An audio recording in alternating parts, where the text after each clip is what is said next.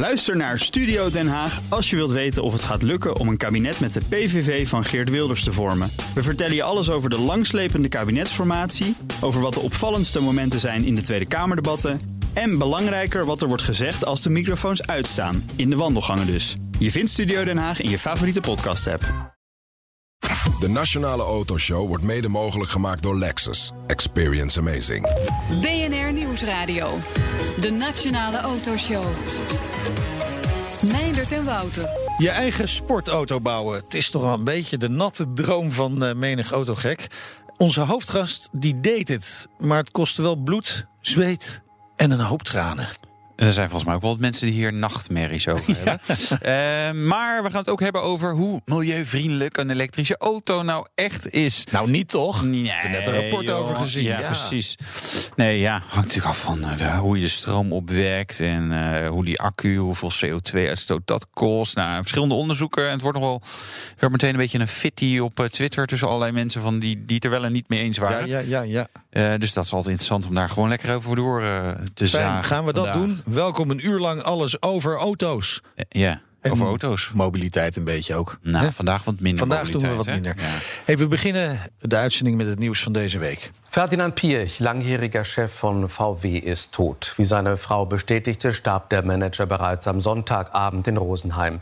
Er wurde 82 Jahre alt. Ja, toch een schok door uh, Autoland, Autowereld. Ja. Ferdinand Piech, kleinzoon van Ferdinand Porsche. Voormalig topman ook van Volkswagen, overleden op 82-jarige leeftijd. Maar jij was, jij was deze week in Duitsland. Op het Ja. moment dat dit nieuws naar buiten kwam. Nou, daarna, maar Hmm.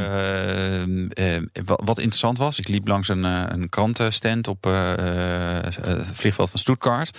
En daar lag een krant met op de voorpagina een foto van de vrouw van Pierre, dus de weduwe nu. Ja. Ik ga nooit meer trouwen, stond daaronder. Oké. Dacht, oké, nou dat lijkt me. Ja, wat vroeg. En bijzonder dat dat eh, voorpagina nieuws is. Maar, maar, dat geeft ook een beetje aan hoe belangrijk Pierre voor Duitsland natuurlijk is geweest. En hoe Ja. belangrijk hij eh, voor de Volkswagen groep is geweest. Natuurlijk echt wel een van de iconen uit eh, die industrie. En de auto-industrie is gewoon heel groot en heel belangrijk. En ja, Volkswagen groep is natuurlijk gigantisch. Gigantische werkgever. Volgens Hanko Jurgens van het Duitsland Instituut is de dood van Piech ook echt een groot verlies hè, voor de Duitse auto-industrie. Ferdinand Piech ja, wordt eigenlijk gezien als de redder van de Duitse auto-industrie. Toen hij eh, in 1993 eh, het Volkswagen-concern overnam, was het bijna eh, failliet. En hij is daar met harde hand heeft hij opgetreden. Hij heeft heel wat managers de laan uitgestuurd. En met de visie eigenlijk van wat niet mogelijk is, maken wij waar. En op de een of andere manier is hem dat nog gelukt ook. Ja, precies. Hè. Hij maakte van Audi echt een succes. Was natuurlijk ook het brein achter eh, de Volkswagen groep. Het eh, bundelen van de krachten om zo van elkaar te profiteren. Ja. Ja, ja, ja, echt eh, bakens verzetten. En het, het mooiste voorbeeld is misschien natuurlijk ook wel de eh, Bugatti Veyron. Hè. Ja. Eh, hij heeft al gezegd, nou, die auto moet gewoon meer dan 400 km per uur rijden, meer dan 1000 pk krijgen.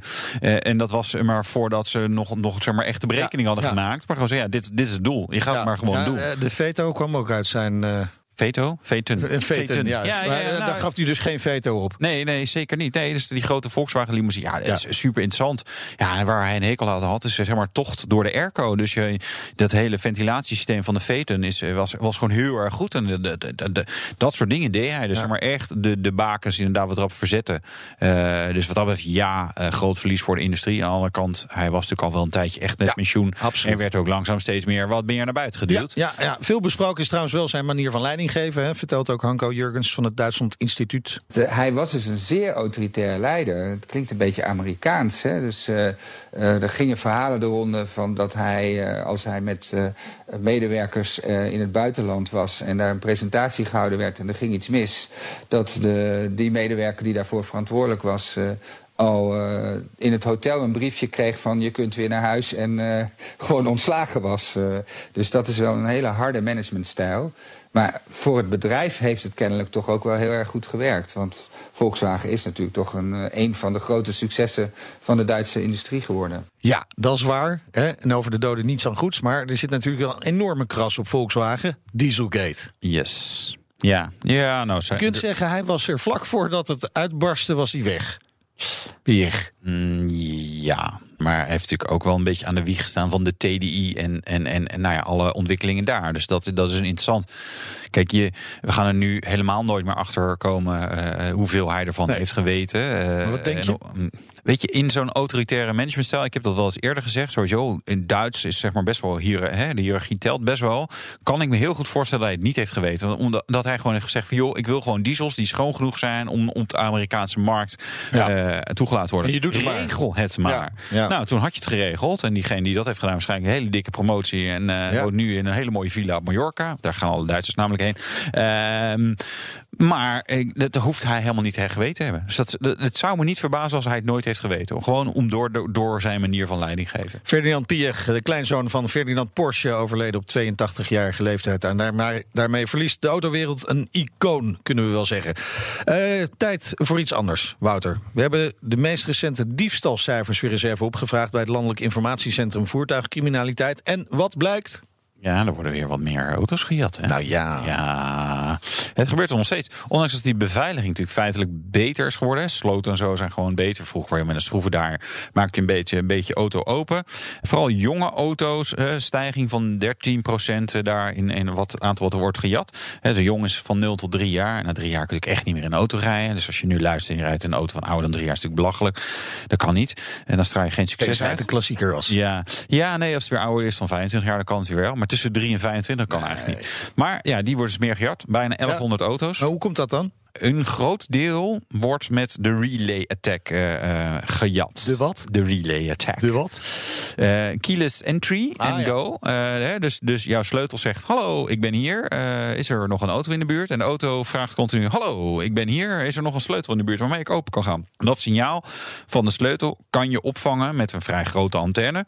En dan verlengen naar een kleiner kastje waar die, boefje nummer 2 bij de auto staat. Nou, op het moment dat de, de sleutel zegt: Hallo, hier ben ik, hè, wordt dat signaal versterkt. Kan over een paar honderd meter gaan. Ja. En degene die met het kleine kastje bij de auto staat, die zegt, eh, en dan- zegt de auto: Oh, hey, de sleutel is er. Paf, open. Eh, en idem dito met het starten. Eigenlijk is het gewoon een signaalverlenger. Eh, Zo simpel is het. Oké. Nou, chipmaker NXP werkt samen met Volkswagen aan een technologie om deze vorm van autodiefstal aan banden te leggen. En Maries Gerards is directeur van NXP Nederland. Welkom in de uitzending. Maries, deze week werd eh, bekend dat jullie daarbij gebruik maken van ultra-wideband techniek. Ja, dat klopt. En je ziet eigenlijk dat technologie heel belangrijk is om autodiefstallen terug te dringen. Je ziet in de jaren 90 met de startonderbreker enorme da- daling. Je ziet dat er in 2010 twee keer zoveel auto's gestolen worden als dit jaar. Maar inderdaad, die jonge auto's die worden met die relay attack gestolen. Ja. Eh, en wat we daarmee, hoe we dat voorkomen is eigenlijk, zoals je net aangaf, eh, die boefjes die staan met een versterker. Die kunnen over enkele honderden meters die sleutel en die auto met elkaar kunnen com- laten communiceren. Zodat die auto weet dat die sleutel wel echt klopt. Alleen toevallig was hij net iets te ver weg. En ultra-wideband is een technologie die we gebruiken om eigenlijk te, me- te meten hoe ver die sleutel van die auto is. Ja, ja. Dus daar vindt een communicatie plaats tussen die sleutel en die auto. Echt twee miljoenste van een seconde. En in die twee miljoenste van een seconde wordt gemeten hoe ver die sleutel van die auto verwijderd is. Dus als die sleutel meer dan, zeg even 5, 6, 7 meter van die auto verwijderd is, dan doet hij het gewoon niet met die relay attack. En dan is het een aanvullende maatregel om te zorgen dat die auto heel goed kan kijken of die sleutel gefopt wordt met die boefjestruc die jullie net uitleggen. Maar eh, als ik doe alsof, ik de sleutel ben, want dat, dat doen zo'n kastje natuurlijk. Hoe, hoe, hoe- helpt dit dan? Want de, de, ja, ik doe alsof ik de sleutel ben en ik sta direct naast die auto. Dus dan, hoe gaat die auto dan weten dat, de echt, hè, dat ik niet de echte sleutel ben, en maar dat de echte sleutel binnen zijn huis eh, 10 meter verder ligt? Nou, wat er met die relay attack sowieso al goed gaat, in wezen, is dat die auto echt wel vaststelt dat het de juiste sleutel is. Ja. De truc die die boeven toepassen is dat ze dat over grotere afstand herhalen, dat signaal, waardoor die auto denkt dat de sleutel de nabijheid is, maar dat is niet zo. Ja. Nou, met die ultra-wideband technologie voegen we aan die hele autobeveiligingstechnologie toe dat die auto meet hoe ver die sleutel van die auto is. Dus alleen als die, als die, als die, als die sleutel direct naast de auto is, zal die auto opengaan. En als die sleutel gefopt wordt doordat die 10, 20, 50 meter verder ligt, dan zal die niet ontsluiten. Omdat hij dus niet vastgesteld heeft dat die sleutel daadwerkelijk en heel dicht bij die auto is. En is dit nou helemaal waterdicht, eh Maries? Of eh, gaan de boeven weer hier iets op vinden? Nou ja, ik kan hier niet garanderen wat de boeven eh, in 2030 of 2040 gaan doen. Eh, ik noemde de startonderbreker in de jaren 90. Ja. Eh, je ziet een enorme daling van diefstallen. Eh, wij zijn continu bezig met nieuwe technologieën die zorgen dat, dat allerlei zwakheden in systemen opgeheven worden en dat het, het veiliger wordt. Dus ik kan geen garanties Nee. geven voor over 20, 30 jaar. Nee. Maar ik kan wel aangeven dat dit nu zeer de, de echt de allerveiligste manier is om auto's te En, bereiden. en wanneer gaan we dit terugzien bij eh, nieuwe auto's? Ehm, volgens mij heb ik gelezen dat eh, de producent die jullie noemden eind van het jaar in productie zou gaan. Ja. Maar ik geloof niet dat ik dat helemaal kan zeggen. Oké, ja. Mo- mooi eromheen gedraaid. Dankjewel, Maurice Gerards van NXP Nederland. De dienstauto van. Ja, we komen bij onze rubriek De Dienstauto van... waarin bekende mensen vertellen over hun passie voor auto's. En dit keer, Wouter? Ja, jouw grote vriend. Jij mag hem niet, hè? Of wel? Geen idee. Ja, ja, ja. Wie is het? Emiel Ratelband.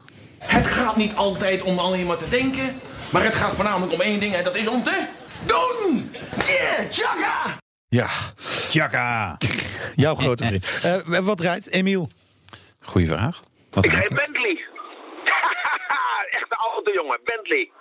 Ja, Maar welke Bentley, Emiel? weet ik dat hoe dat heet. Ik, eh, dat weet ik niet. Eh, ik rijd een Bentley en eh, de fantastische, die is, eh, die is speciaal gemaakt voor mij in verband met mijn eh, incompetente lijf. En eh, ja, dus eh, hij is rood, eh, hij rijdt goed, eh, rijdt lekker. Ja, nou, fijn die Bentley. Echte autoliefhebber. Ja, ja, ja. hè? Hij heeft trouwens ook nog een Chrysler en een DS in de garage staan. Hè? Maar eh, hij heeft veel meer auto's gehad. Ik, ik geloof dat ik een stuk of 80 auto's heb gehad, al met al. Maar wat mij nou bevreemd is, dat ik mijn eerste auto toen ik 18 jaar was en 6 weken, dat was een Volkswagentje 2 1203. En dat ik daar het kenteken nog van weet. 4412 FJ. Dat vind ik zo raar. Nou, maar dat weet toch bijna iedereen? Kenteken van je eerste auto, ja, dat moet je wel onthouden. Wat was die van jou? Geen idee meer. Iets met een F. Die is met een F. Mijn eerste auto die ik echt... Maar zeg ik heb niet maar 80 auto's gehad. Ik heb er 180 gehad of zo. Ja, maar de eerste, de eerste is er nog steeds maar één. Dus die had je wel Ja, kunnen onthouden. Bij mij, die, diegene die ik echt zeg maar, zelf had uitgezocht. eh, de SPZS 76, een Alfa 156. Wauw. Ja, ik weet dat soort dingen gewoon. Wauw. Wauw. Wil je meer afleveringen horen? Check dan bnr.nl slash dienstauto. En zometeen Minotto Car.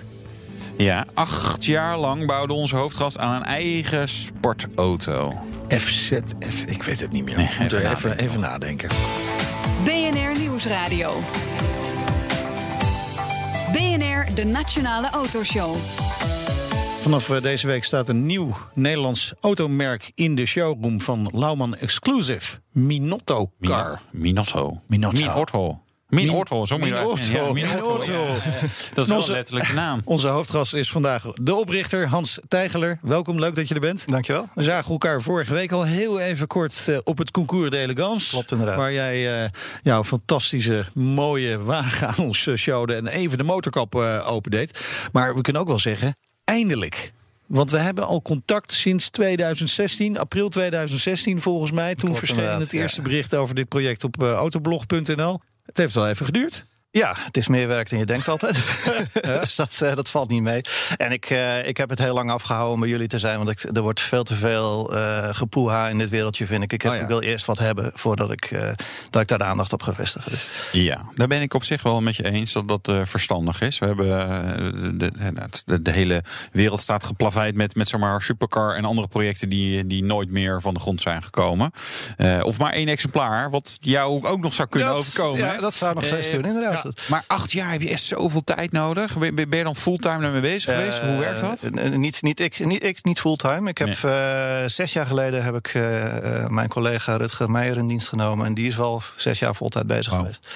Dus eh, ja, het is, het is veel werk. Eh, we, we dachten van tevoren, nou, we doen het in anderhalf jaar. Nou, dat viel een beetje tegen. Een beetje. Tikje. Tikje, toefje. Ehm, waarom besloot je om, om, om, om een auto te gaan bouwen? Ja, ik, Naïviteit. Naïviteit, ja. dat sowieso. Als je van tevoren alles Niet weet. eh, dan, eh, denken, maar doen. Dat niet denken, maar doen. eh, we hebben het net gehoord, Ja, inderdaad. Emiel. Dat, eh, Ja. ja. precies. Nee, joh, ik, heb, ik heb mijn leven lang heb ik, heb ik dingen gebouwd. Ik begon al toen ik, toen ik 12 was. En, en dacht dat het leuk zou zijn om een, een surfplank te bouwen. Dus toen ben ik surfplank gaan Ja, oké. toen ik 13 was, had ik een zeilmakerij. Want ik, die, die plank moest er zeilen bij. Toen ik 15 was, had ik mijn eerste snowboard gemaakt. die eigenlijk nog amper bestonden toen. Dus En dat, zo heb ik het altijd gedaan. Om 27e ben ik een vliegtuig gaan bouwen. En toen nog een en nog Oké, een. oké. Nee, je Dus- bent er nog, dus dat is Ja, redelijk ja, het is gelukt.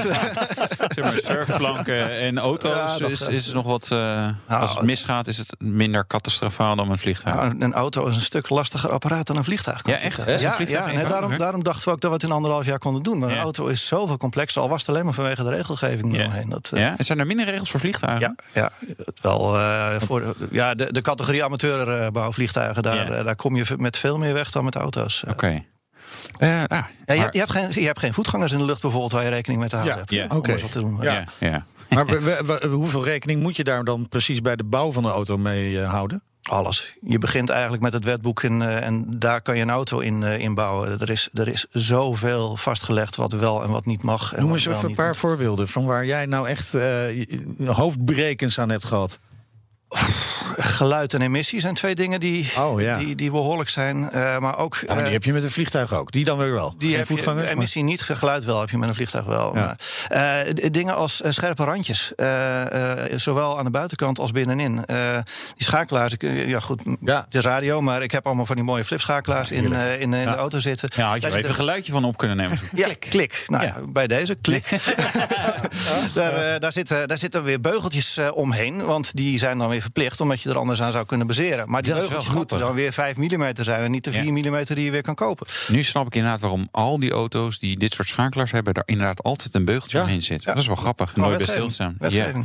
Weet je. Hebben we het niet dus- een beetje overgereguleerd? Ja, Ja? Oké. Ja, ik denk het wel. Maar goed, dat, dat zeg ik tot het moment dat ik eh, mijn gordels niet omdoe... en ergens tegenaan rij en eh, een schakelaars in mijn voorhoofd geplant heb. En dan ben ik wel blij dat daar beschermbeugeltjes omheen zitten. Ja. Ja. Je, je hebt overigens wel een beetje kennis van zaken, hè, want je bent ingenieur. Ja, klopt. Ja, dus het is. eh, Ja, dat- het is niet dat ik nou denk van... Goh, ik, heb, ik heb wat eh, van Delft uit wat bagage meegekregen... om wat dingen uit te rekenen en door te rekenen. je hebt de TU Delft gestudeerd. Wat heb je daar gedaan? Ik heb natuurkunde gestudeerd. Natuurkunde. Ja. Ja. Het Nou ja. heeft Oh, er vrij is- weinig mee te maken op eerste.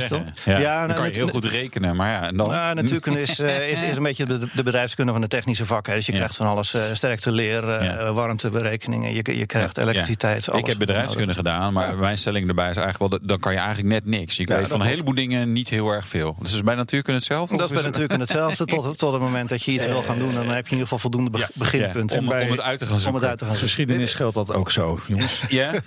Wat waren de grote tegenslagen die je bent tegengekomen? Want je, je, je wilde anderhalf jaar, het werd acht. Dus ja, er, Mm, niet, het is moeilijk om er eentje aan te wijzen. Het- alles duurde lang. Ja. Eh, we roepen soms voor de grap dat we drie auto's gebouwd hebben... waarvan de twee in de prullenbak liggen. Ja. Eh, je maakt iets, je bent toch niet tevreden. Ik denk dat de grootste tegenslag is mijn perfectionisme. Ja. Hè, beter is de grootste vijand van, niet, van, van goed genoeg.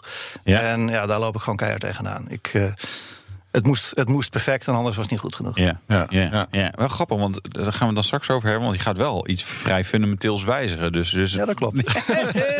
ja, maar dat, dat is, Hoe dat- zit dat dan? Ja, maar daar, eh, daar heb ik ook wel een goed, eh, goed verhaal Nee, maar bij. ook Dus, eh, Maar we moeten toch over een belangrijke tegenslag hebben. Want er is gewoon brand uitgebroken in de werkplaats. Oh, dat is. eh, Of is dat nieuw voor jou? dat was na twee jaar inderdaad. Nee, ik, eh, ik, ben, eh, eh, ik ben teruggekomen van, van de zoveelste trip naar Italië... naar de start van de Mille Miglia. Ik heb een, een oude Ferrari Dino en dan ging ik met allerlei vrienden met Dat is Ferrari. een dino, hè? is geen Ferrari, toch? Het is een Dino, oké. Ja. Ja. En dan nog de Bertone Dino, is de hoekige. Dus het helemaal het, het stiefkindje. ik vind ze heel gaaf trouwens. Ik hoor. ook. Dus uh, ja, geweldige auto. Ja, precies. Maar teruggekomen uit, uit Italië.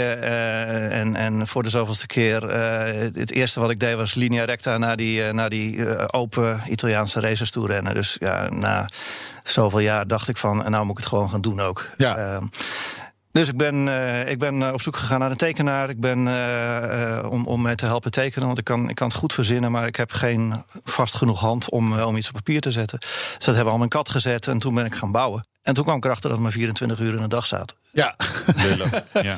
En toen heb ik nog een brand gehad in die garage waar eh, mijn eh, werk tot dan toe stond. En dat was een heel mooi moment om te zeggen, nou gaan we het anders aanpakken. Oh, Oké, dus je hebt dat eigenlijk ten positieve Ja. gedraaid. Ja, en, daar, eh, en dat was het moment dat ik Rutger ook eh, op benaderd heb. Die kende ik nog van het vliegtuigen bouwen. Ik wist wat hij kon. En eh, toen gezegd van, nou ja, wat ben je aan het doen op het ogenblik? En eh, heb een baan aangeboden. Oké. Kom helpen. Ja. Eh, ben je blij met het eindresultaat? Ja, hij is een perfectionist, kan haast niet anders. Nee, dan ben je nooit tevreden. Dan ben je nooit tevreden. Ah. Ik, oh joh, ik kan, je, ik kan je twintig dingen aanwijzen die ik anders zou willen doen. Maar het is, het is een prototype, hè? dus het Ja. hoeft ook niet... De eerste hoeft niet perfect te zijn. Dit is ook niet de auto die we verkopen. Dus dat, eh, Oké, maar, ja, maar, blij. maar, maar goed, het geeft wel een indruk van wat het moet zijn natuurlijk. Absoluut, Kun, kun je hem even beschrijven? Het is, hij is rood. Ja. hij is open. Eh, hij is heel basic. Eh, hij heeft spaakwielen, een enorme motor erin. Eh, aluminium stoeltjes, een laag voorruitje. Je zit dus vol open in de wind. Klinkt Spartaans. Het is Spartaans tot en met. Ja, pijn in de kont. Nou, dat valt ontzettend mee. Maar, nee, er, zit, eh, er zit wel een filosofie achter. Want ik, ik, het leuke van die, eh, van die trips naar Italië met, die, eh, met al die Ferraris... was dat ik heb gereden met alles wat nieuw is en modern is... en loeihard kan. En met mijn eigen dinootje. En ik kwam er elke keer achter dat die auto's die zijn... die moderne sportwagens zijn zo waanzinnig goed. Echt diep respect voor die, voor de, die fabrikanten hoe Ja. ze dat maken. Maar echt leuk zijn ze niet. De ziel is eruit. De ziel is eruit, de beleving is eruit. Auto's zijn het leukste. Volgens mij, Wouter, heb jij pas nog met een oude Porsche gereden... waarbij je dat ook had. En Ja. auto's zijn het Ja. leukste waarbij je... wanneer je heel hard moet werken, wanneer je er wat voor moet Ja, doen. ja, het was zonder airco ook en zonder ventilatie. Ja, dat dat was heel leuk. ik- ik- Zo, dat ik speur mijn auto. Ik heb, ik heb er geen dak op staan, dus... Eh, dat ik. Ehm, ehm, maar wat zoek je dan in een auto? Kan je, kan je dat vangen in wat, wat eh trefwoorden? Nou, het, het, het, het leukste voorbeeld vind ik nog altijd... stel je kan heel goed paardrijden en je, hebt, eh, je, je, je bent jockey, je kan heel goed paardrijden... en je hebt de keuze uit een makke, tamme manegepony... die loeihard kan rennen, maar voor de rest zo, zo mak is als een lammetje... Of een bokkig, nukkig, volbloed renpaard. Ja, Nou oké. is het zondag en dan ga je voor je lol ga je even een uurtje rijden. Ja, Welk pak je? Ja, ja, ja, ja, niet die, eh, zeg maar even de Audi RS6, want dat is de makkige eh, manegepaard waar je heel hard rechtdoor mee kan gaan. ja, ja. Vrij lullig dat ik dat zeg over deze over een hele competente, gave auto, maar dat is natuurlijk wel een beetje. precies, dat is mijn punt. Ja. Ze, Ja. zijn, ze zijn zo goed, maar Ja. dat, dat, omdat ze zo goed zijn... is het leuke er een beetje uit. Ja. Dus dat zoek ik. Ja, nou, een van die leuke dingen die ligt natuurlijk onder de motorkap. Je zei het al, een, stevig eh, motorblok. Er ligt een eh, Ferrari V12 met een vermogen van... 580 pk als je hem openzet. Ah, gelijk. Ja, hoe, kom je eraan? Heb je gewoon bij vrienden van Ferrari aangeklopt? Mm, nee, nee. deze, deze komt eh, van eBay uit Duitsland. Serieus? Een, eh, een gecrashte Ferrari 612. Die had achterschade. Dus die, die motor hebben, we- hebben we opgepikt. Hebben, vervolgens zijn we naar Forza Service in Os gegaan om hem helemaal na te kijken. En oh, ik weet niet of ik daar reclame van mag maken. maar nou excuus. ja. Ehm, en eh, de motor is goed en die hebben, die hebben we erin gezet. Zometeen hoor je meer over de toekomstplannen van Minotto Car. En we stoppen hem er weer in, de pijlstok. Tot zo. De Nationale Autoshow wordt mede mogelijk gemaakt door Lexus. Experience amazing. BNR Nieuwsradio. De Nationale Autoshow. Meindert en Wouter. Straks onderzoeker Auke Hoekstra van de Technische Universiteit Eindhoven over een toch wat omstreden onderzoek van de ADAC, de Duitse ANWB, zeggen we dan, hè, naar elektrisch rijden. Ja, hij noemt het zelfs nepnieuws. Oh, dat is wel zo'n eh, hippe term, hè? Want zeg, als je ergens niet mee bent, dan is het fake nieuws, fake nieuws. Eh, maar waarom zegt hij dat? Dat hoor je dan weer straks. Goed, onze hoofdgast van vandaag is Hans Stijgelaar, oprichter van Minotto Car. Er is niks fake aan. Nee. En we doen met hem, De pijlstok. want met welke auto ben je gekomen? BMW. Een BMW. Een BMW. BMW heeft heel veel BMW's. Oké, hè? een BMW E93, hij stilheet, een cabrio. Ja, 3-serie. Een 3-serie. Een, een diesel, benzine. Diesel. Die, oh, diesel. Krijg veel kilometers. Ja, ja, ja, ja, ja. ja. Ah, wel fijn. Maar wel een zescilinder, toch? Zescilinder, Ja, oké. Dus dat is om het nog een beetje goed te maken. Ehm, Ik hou van mooi weer. ja, wel lekker inderdaad nu cabrio, hè? Maar wat zou je rijden als geld geen enkele rol meer speelt... en ook die, die kilometers, dat dat allemaal niet meer uitmaakt? Wat wil je nog een keer hebben?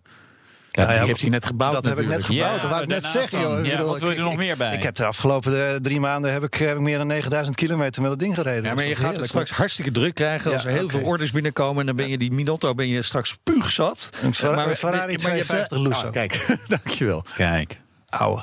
Ja, dat is mooi. En dan ga je er gewoon, gewoon lekker dagelijks mee rijden. Dat zou pas stoer zijn. ja, precies. Ja, dan gaan er wat mensen eh, een beetje stijgen als je dat Ja, doet. dat wel. eigenlijk gaaf is om wel gewoon te doen. Ja, toch? Die dingen die staan allemaal maar in kelders opgeborgen. Precies. Zonde. Maar goed. Over kelders eh, gesproken. Daar Ja. staat de Minotto niet. Eh, nee, staat op zolder. Ja, ja. Bij Lauman Zolder. Exclusive. Oh. Dat is toch altijd weer... eh daar moet je zes trappen op of de lift. En eh, dus dat is hoog, hoog en droog staat Hoog hij. en droog. Zelfs als de, In de koffiehoek. In de koffiehoek. In de koffiehoek. Kijk aan. In de koffiehoek staat hij. Ja, dus we hebben tussen de kasten doorgemanoeuvreerd gekregen. Hij staat eh, mooi in de lounge in de koffiehoek. Ah, lekker. En nu, nu kunnen de kopers dus binnenkomen. Klopt. Ja. Klopt. Hoe, hoe komt die samenwerking met de Lauman Exclusive eh, tot stand? Oh, dat is een via-via verhaal geweest. En eh, ik, ik heb gemerkt dat die auto heel, een heel hoge gunfactor heeft. Ook, ook in, de, in, in, in de pers, in de bladen. Eh, maar ook bij Lauman eh, van, joh, wat leuk. Kom, kom eens langs, laat eens zien. Ja. En dan blijkt het toch eh, eigenlijk best een heel leuke en ook een heel... Sorry dat ik het zelf zeg, maar een goede auto te zijn. Ja. Maar toch ga je wat veranderen.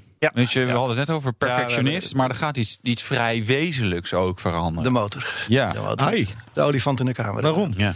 Waarom? Eh, meerdere redenen. Ehm, je bouwt een prototype om, eh, om wat van te leren. En eh, ja, ik ben een rupsje nooit genoeg, maar ik heb, ben er eigenlijk achter gekomen dat je ook te veel kan hebben. Ja. Eh, dit is te veel. Eh, 580 pk is te veel. te veel voor een auto van 980 kilo. Ja. Ja, oké. Ehm, eh, eh, hij doet het goed hoor. Hij, eh, hij, hij, hij presteert prima. Chassis kan het allemaal hebben. Ehm, maar het idee was een leuke auto te bouwen.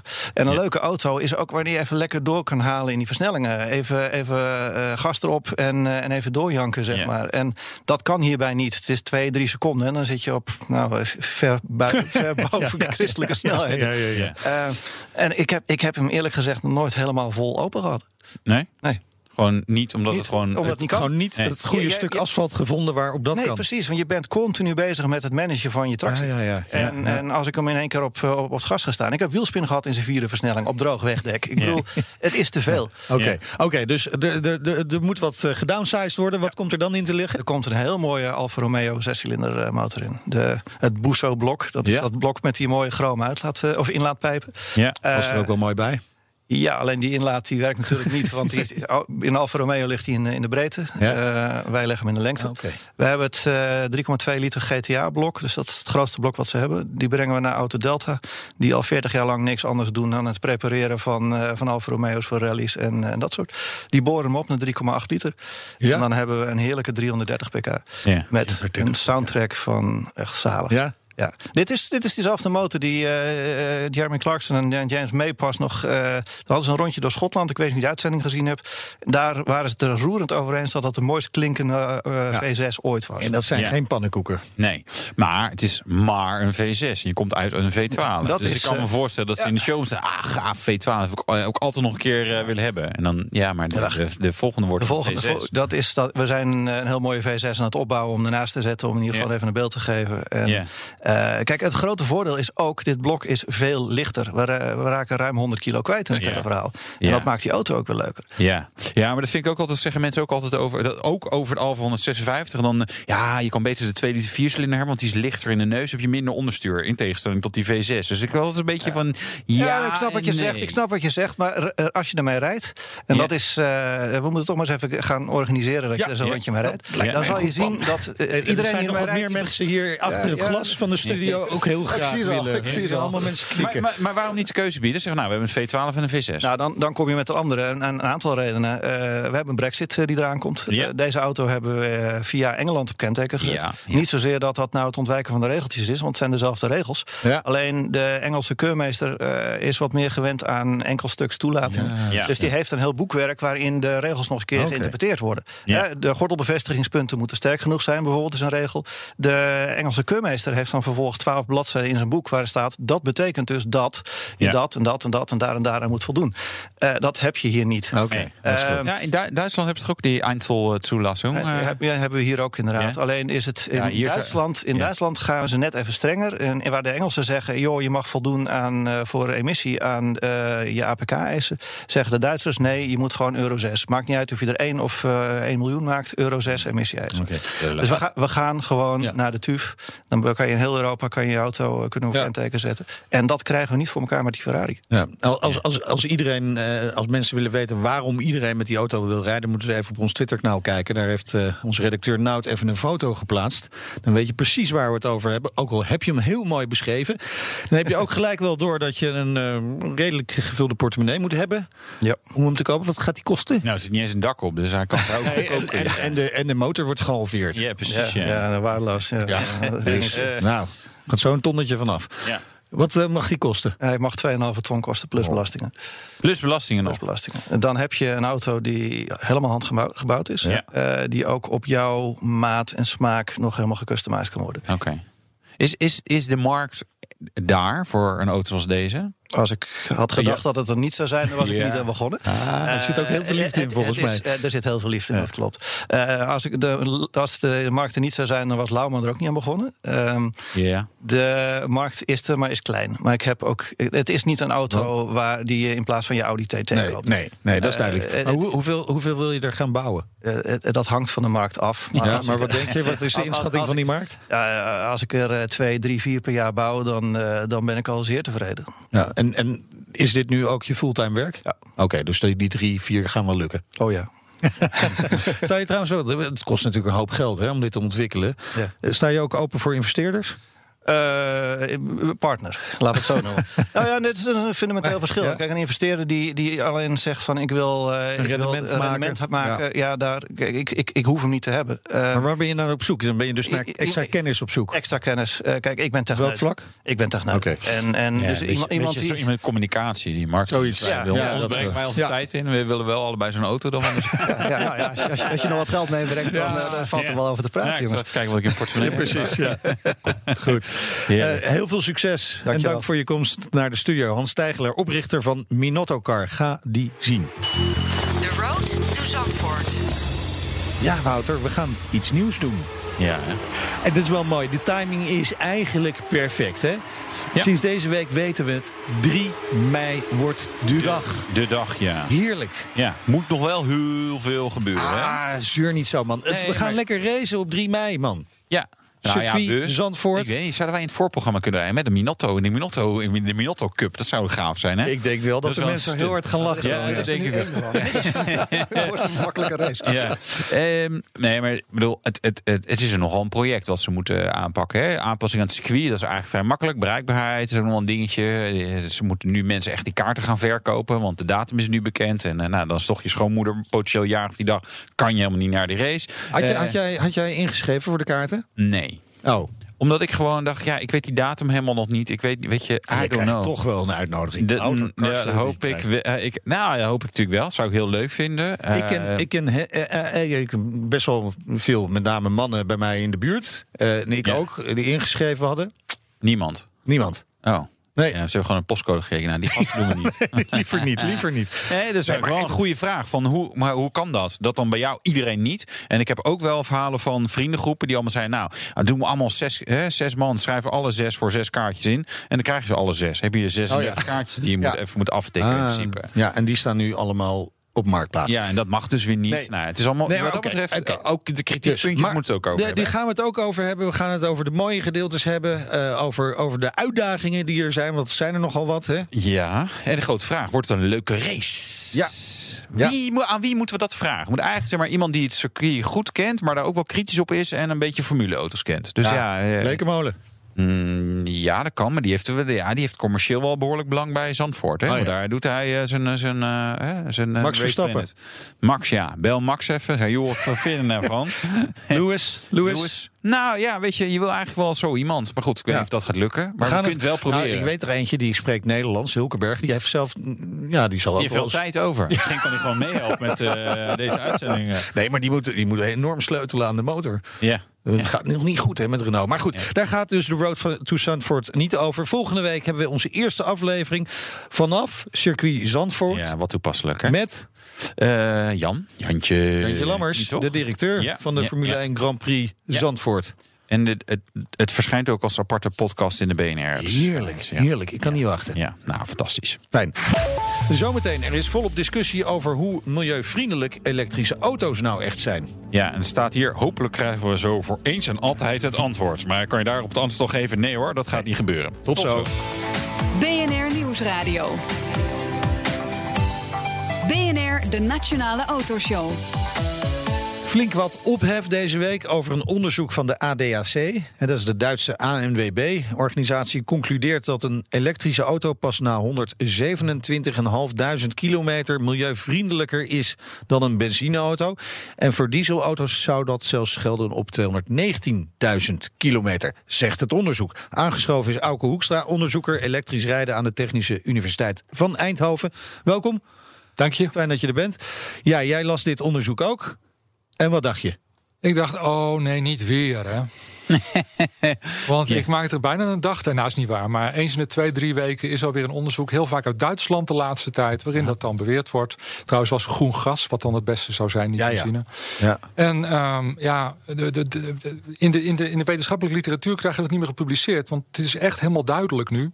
Ja. Maar blijkbaar zijn er sommige groepen die dat toch van hartstochtelijk willen, waar willen hebben dat het niet zo is. Ja, want op eh, Twitter had jij het dus over nepnieuws. Ja. Ja, ja, ik bedoel, het is een beetje een, een, een rotterm natuurlijk. Zeker als je kijkt waar die vandaan komt. Maar ehm, het zijn onderzoeken die gebracht worden als... nu, he- nu heeft iemand eindelijk de berekeningen gemaakt... en eh, geloof het of niet, maar die elektrische auto is helemaal niet goed. En die berekeningen zijn al honderden keren gemaakt... door duizenden mensen. En als één iemand er dan uitspringt en zegt van... hé, hey, het klopt toch niet? Dan is het ineens nieuws. Maar Ja. dat is dus gewoon niet zo. Nee. En waarom, waarom doet de ADSC dit? Ja, dat is, het is gewoon bekend als een betrouwbare organisatie over het algemeen. Eh, Ja, nou ja, ik weet niet. Op Twitter roepen allemaal mensen een beetje een oude, oude mannenclub. maar Ja, dat is misschien wel een beetje... die het niet ja. waar kan hebben dat, het, dat die hele Duitse eh, eh, machtige dieselindustrie op zijn, op zijn, op zijn, op zijn kant moet. Ik, ik, ik weet niet waarom ze doen. Het enige wat ik weet is dat die cijfertjes op een bepaalde manier berekend moeten worden. Dat kan ik goed. Ja. En ik ben geen psycholoog, ik ben geen politicoloog die, die kan bepalen waarom mensen dingen doen. Eh, wa- waar zit de grootste fout in dit onderzoek? De allergrootste is bijna altijd dat ze het maken van de batterijen heel erg overdrijven. Ja. En als je gewoon kijkt naar oude wetenschappelijke studies van een paar jaar terug, dan werden de pilotplans en zo eh, doorgerekend. En dan bleek die productie veel erger te zijn dan nu in de nieuwe fabrieken. En nou lopen we nog steeds in de wetenschap behoorlijk achter. Want de allernieuwste fabrieken, die dus de allerminste uitstoot hebben. Want eh, uitstoot trouwens, hè, in dit geval is gewoon energie. Is energie is gewoon geld. Dus als je proces slimmer inregelt als, als grote fabriek zijnde, dan heb je minder geld nodig om, om elke cel te produceren en dus minder uitstoot. Ja. Ja, dus daar is ook eh, even los als.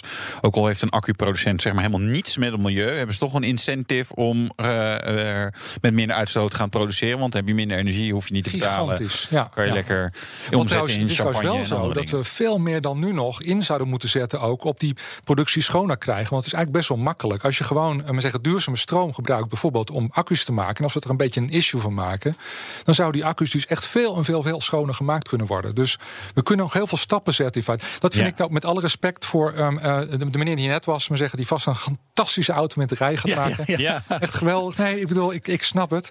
Maar ehm, ehm, met zo'n verbrandingsmotor kan je gewoon op een gegeven moment niet echt schoner meer worden. Dat houdt gewoon op. Tenminste, qua CO2-uitstoot. Dat is gewoon heel lastig in ieder geval.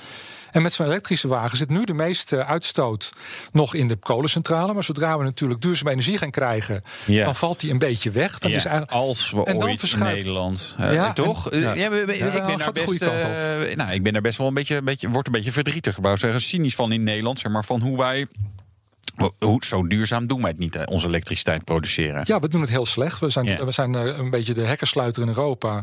Alleen we hebben een gemiddelde Europese mix, omdat we nog heel veel gas hebben. Ja. Maar voor de rest zijn we hekkersluiter. Ja. Alleen, ja, daar zie je ook gewoon. Kijk, wat ik doe is trends extrapoleren. En je ziet gewoon dat die kosten van zon, wind, batterijen. allemaal heel voorspelbaar lager worden. Daar kan je zelfs gewoon eh, onderzoek naar doen, eh, lijn op uitzetten. En over twintig jaar is het dan echt heel raar idee dat je nog een kolencentrale gaat bouwen. Dat is zo'n moeilijke business case tegen die tijd. Dus Ja. het is aan het omslaan. En nu zitten we een beetje in het kantelpunt. Ja, de energiemix in Duitsland die wordt nog wel voor een deel gedomineerd door bruinkool. Ja, Duitsland heeft op een gegeven, Duitsland heeft op een gegeven moment alle, alle, alle, alle kernenergiecentrales Precies. uitgezet. Ja. Dat was destijds heel populair, en maar, zeggen, maar tegenwoordig zien we dat toch als een, een, een, een meeste onderzoekers zien dat toch als een hele slechte beslissing. Daardoor kwam kolen in feite werd veel meer naar voren getrokken. Ja. Want die hadden ze toen eens hard nodig toen al die kerncentrales uitstonden.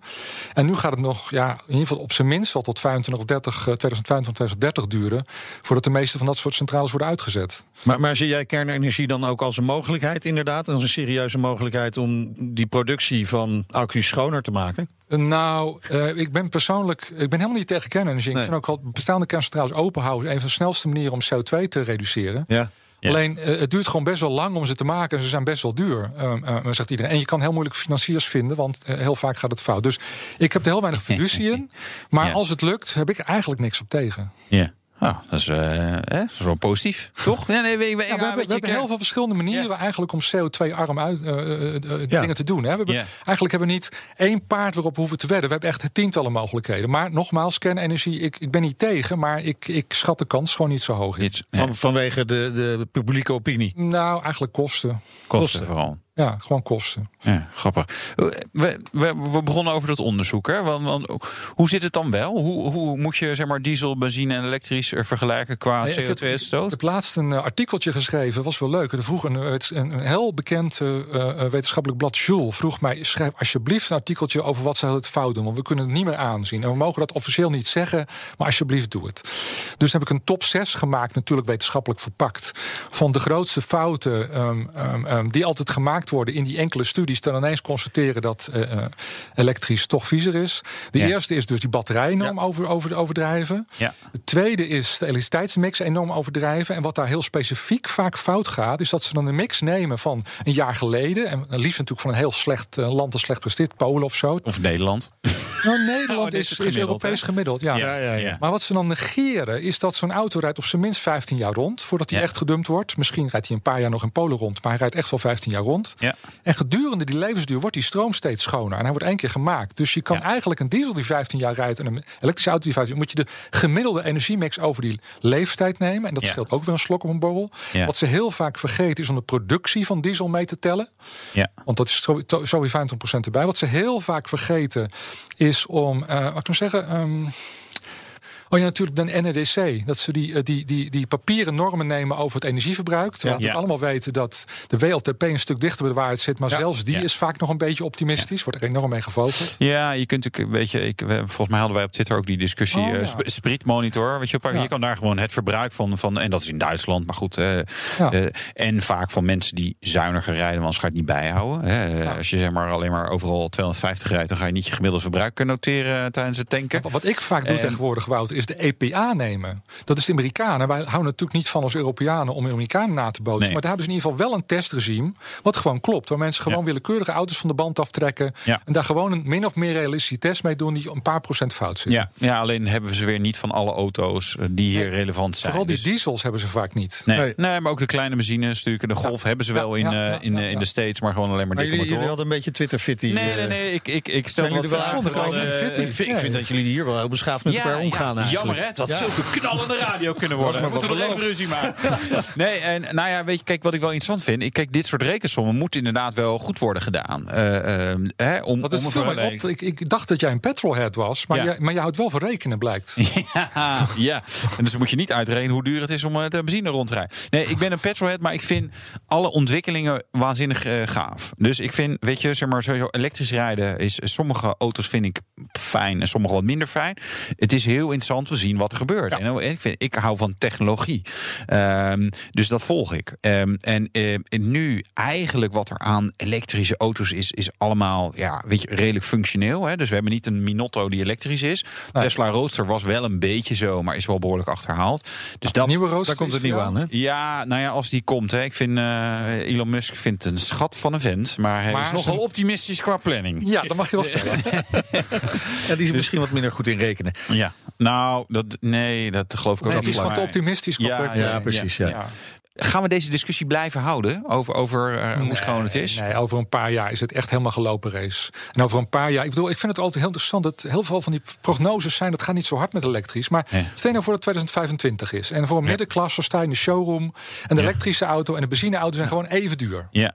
Ja, en je weet ondertussen wel dat die elektrische auto in het gebruik veel en veel goedkoper is. Ja.